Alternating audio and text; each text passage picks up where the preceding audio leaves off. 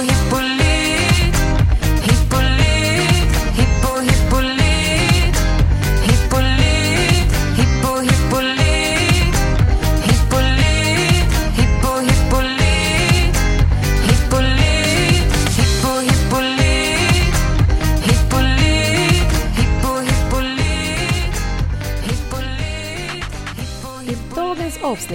Foderpodden så ska vi prata om ett foderrelaterat problem som många hästägare kanske inte har stött på i verkliga livet men som många i alla fall har hört talas om och det är foderstrupsförstoppning.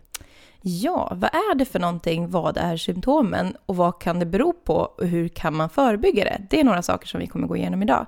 Men Linn, har du varit med om foderstrupförstoppning? Ja men det har jag faktiskt. Det var när jag var väldigt liten och det var en liten B-ponny som fick det i samband med kraftfoderutfodring. Och Kan du minnas någonting från den? Alltså det är tillfället? väldigt länge sedan, men jag vet att det var väldigt traumatiskt att stå och titta på. Jag minns det liksom, känslan väldigt väl, att det var väldigt jobbigt. Mm. Men sen i, eh, på senare år har jag inte varit med om det. Har du det?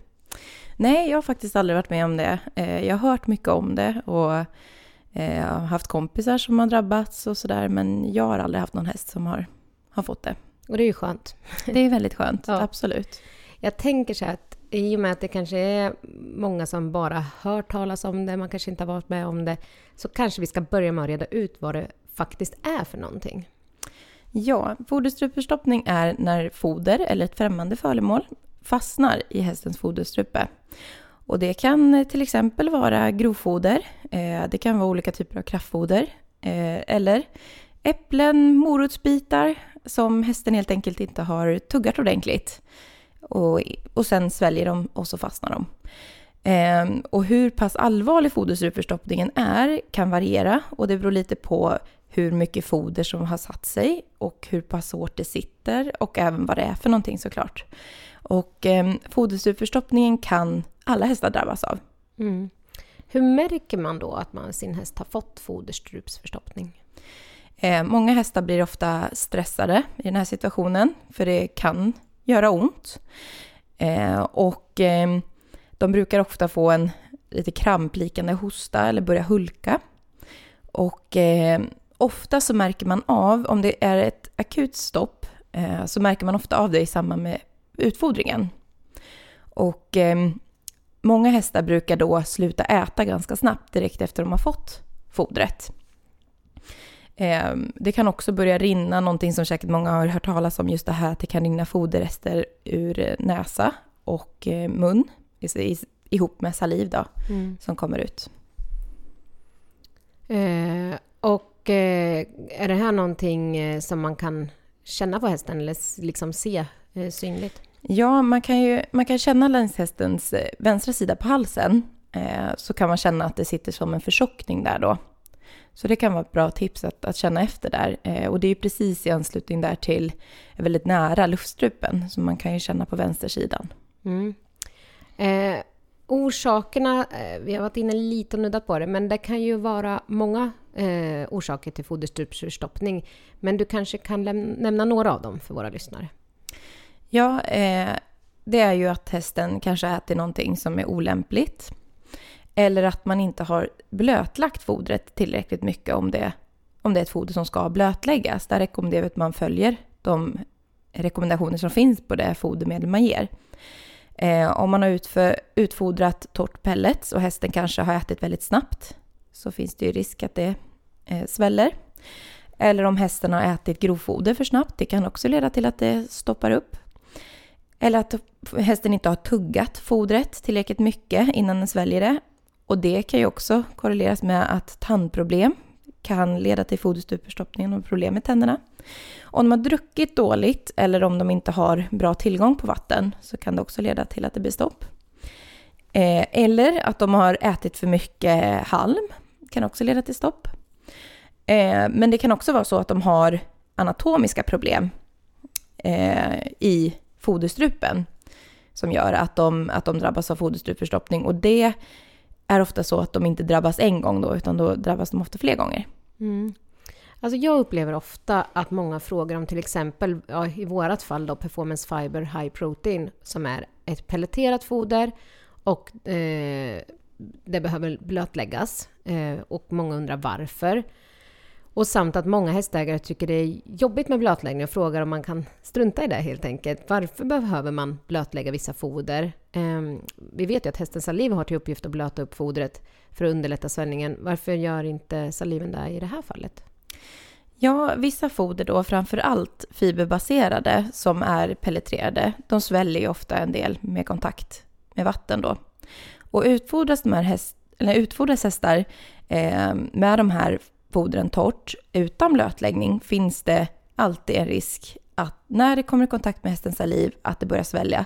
För det är så att hästen tuggar inte lika länge på ett pelletrerat foder och det hinner inte komma i kontakt och blandas med tillräckligt mycket saliv för att hinna svälla klart innan hästen sväljer det och då kan det istället börja svälla längre ner i foderstrupen vilket leder till stopp.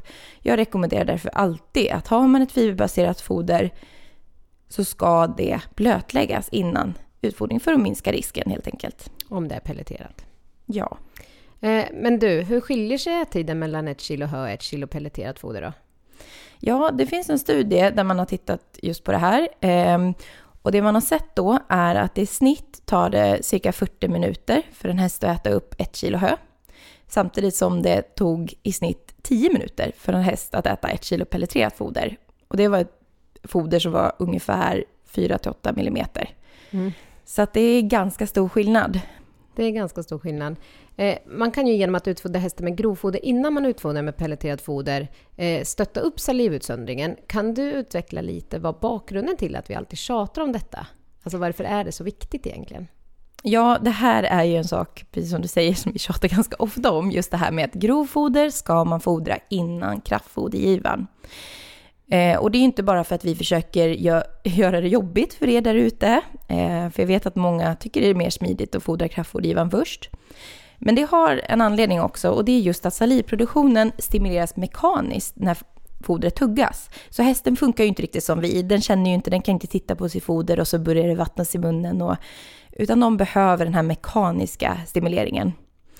Och eh, foder som går ganska snabbt att tugga ger på så sätt mindre salivproduktion. Ehm, och då blir fodret mindre genomfuktat, precis som jag förklarade tidigare, och risken för foderstrupförstoppning ökar ju. Och ju mer grovfoder häst, hästen äter, desto högre blir produktionen av saliv. Och därför är det då en fördel om hästen får en stor grovfodergiva innan man ger kraftfodergivan, för då kommer den igång ordentligt med salivproduktionen innan man ger kraftfodret. Mm. Men du nämnde ju även att några orsaker till foderstrupsförstoppning kan vara att hästen äter även sitt grovfoder för snabbt eh, eller att de har problem med tänderna. Kan du utveckla det eh, och vad de här orsakerna kan ha för samband då med just foderstrupsförstoppning? Ja, alltså under normala förhållanden så tuggar hästen sitt foder väldigt noggrant om man tittar på grovfoder. Och de brukar oftast inte svälja större partiklar än ungefär 1,6 millimeter har man sett. Ehm, och som jag nämnt några gånger nu så tar det längre tid för hästarna att äta sitt grovfoder jämfört med kraftfodret. Och det här innebär ju då att det krävs mindre tuggningar innan hästen sväljer kraftfodret. Och man har sett att hästen tuggar eh, på lite olika sätt också jämfört med kraftfoder och med grovfoder. Vilket också kan vara en effekt, eller ge en effekt. Eh, och eh, man har sett det här att eh, hästen tuggar sitt grovfoder till, till den här partikelstorleken som med ganska stor marginal understiger längden på de strån i ett pelletrerat grovfoder. Eh, vilket gör att partikelstorleken på fodret som når magsäcken inte skiljer sig jättemycket om det är pelletrerat eller långstråigt egentligen. Det är jätteintressant. Ja, det, det är jätteintressant. Vi är ju väldigt nördiga här, så det, det här tycker vi är väldigt spännande. Men eh, och har då hästen ett tandproblem så kommer den troligtvis inte kunna tugga och finfördela fodret lika bra som en frisk häst.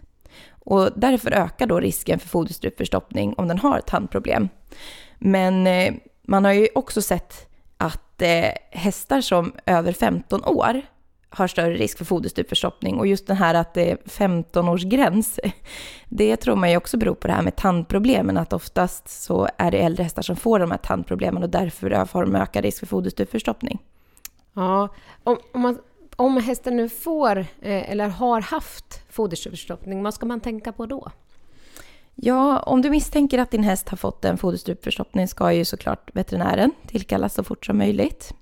Om det inte släpper av sig självt ganska snabbt. Ehm, och under tiden när du väntar på veterinären så är det viktigt att du plockar bort foder och vattnet. Så att den inte kan äta någonting. Så tills dess att veterinären är på plats. Ehm, och när sen när själva förstoppningen har tagit bort så ska man också vara väldigt försiktig. För det här tycker jag att man, det kan vara viktigt att tänka på just med fodringen efteråt, eh, hur man ska tänka. Och där tycker jag man ska vara försiktig med att ge eh, större fodermål, utan att det är bättre att dela upp dem i mindre mål eh, och att den alltid har tillgång till vatten. Men, och att man gärna ska upplötta fodret framöver, i alla fall den närmaste tiden. Mm. Och sen så kan det ju vara, det kan ju vara så ibland att det bildas en ärrvävnad i foderstrupen om det har suttit hårt. Och det, det ökar ju risken i sin tur att den drabbas igen av foderstrupförstoppning. Mm. Eh, jag tänker, vi har ju gått igenom ganska mycket nu, både vad orsaker kan vara och lite grann hur man kan hantera det så. Men ska vi avsluta med att ge några praktiska råd att tänka på i utfodringen av sin häst för att undvika att hästen får foderstrupsförstoppning? Det tycker jag absolut. Um, dels kan jag börja med att nämna att man bör då utfodra sin häst med grovfoder eh, i allra största mån. Eh, det är viktigt att grovfodret är av en god hygienisk och näringsmässig kvalitet samt att mängden grovfoder är väl anpassad till den häst som ska utfodras. Ja, och sen ska man ju alltid ha tillgång till rent, fräscht, hygieniskt vatten och att man gärna har flera vattenstationer i hagen eh, så att hästarna kan dricka vatten samtidigt så att ingen undviker att dricka. Ehm, och eh, gärna att både ha kopp och hink kanske inne, beror lite på vad hästen föredrar. De flesta föredrar ju hink. Och ha gärna uppsikt om det är möjligt hur mycket din häst faktiskt dricker. Mm. Eh, någonting som du redan har nämnt lite snabbt, men att man gärna utfodrar då med grovfoder en stund innan kraftfodret för att hjälpa till att stimulera den här salivutsöndringen så att fodret lättare passerar foderstrupen. Mm. Och som jag sa också, foder som sväller mycket, det behöver inte bara handla om pellets, men, men en fiberbaserad pellets till exempel då, som, som lucern, eh, bör blötläggas innan utfodring. Och på de här fodermedlen så står det ofta rekommenderat eh, och följ de instruktionerna som finns. Vi har ju till exempel höpellets som vi alltid rekommenderat att blötlägga dem. Och man märker ju ofta när det är tillräckligt blötlagt så att det blir liksom en gröt så att det inte känns hårt längre. Eh, det kan ju skilja sig lite om man, vad det är för typ av foder såklart, men också om man blötlägger i varmt vatten eller kallt vatten, hur snabbt det går. Mm, och det kan man ju faktiskt pröva sig fram, tänker jag. Eh, om man har en glupshäst så kan det vara en god idé att försöka påverka hästen att äta långsammare. Det här kan man ju då göra genom att till exempel sprida ut kraftfodret på en lite större yta eller att man lägger ett, typ ett stort föremål i krubban så hästen får sortera ut kraftfodret lite mer, alltså flytta runt. Det kan vara en stor sten eller någonting som hästen får flytta på så att den, det tar lite längre tid för dem. Om man inte har möjlighet att dela upp dem på, min, på mindre givor. Mm. Och sen så blanda kraftfodret med någon typ av fiber kan vara bra tips, till exempel lucernhack eller andra typer av grovfoderhack. Eh, så, att det gör, så att det blir mer mekanisk stimulering i munnen så att de eh, utsöndrar mer saliv också. Mm.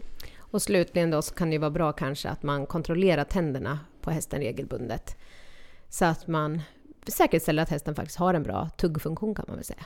Ja, och är det så att man har fler frågor, om ni tyckte att det, ja, det var någonting som kanske inte var helt klart i det här avsnittet, eller har frågor om andra avsnitt, så får ni jättegärna höra av er till oss. Då är våra kontaktuppgifter info eh, eller så kan man ringa 0413 486 100. Då får vi tacka för oss. Tack så mycket. Tack. Hej då.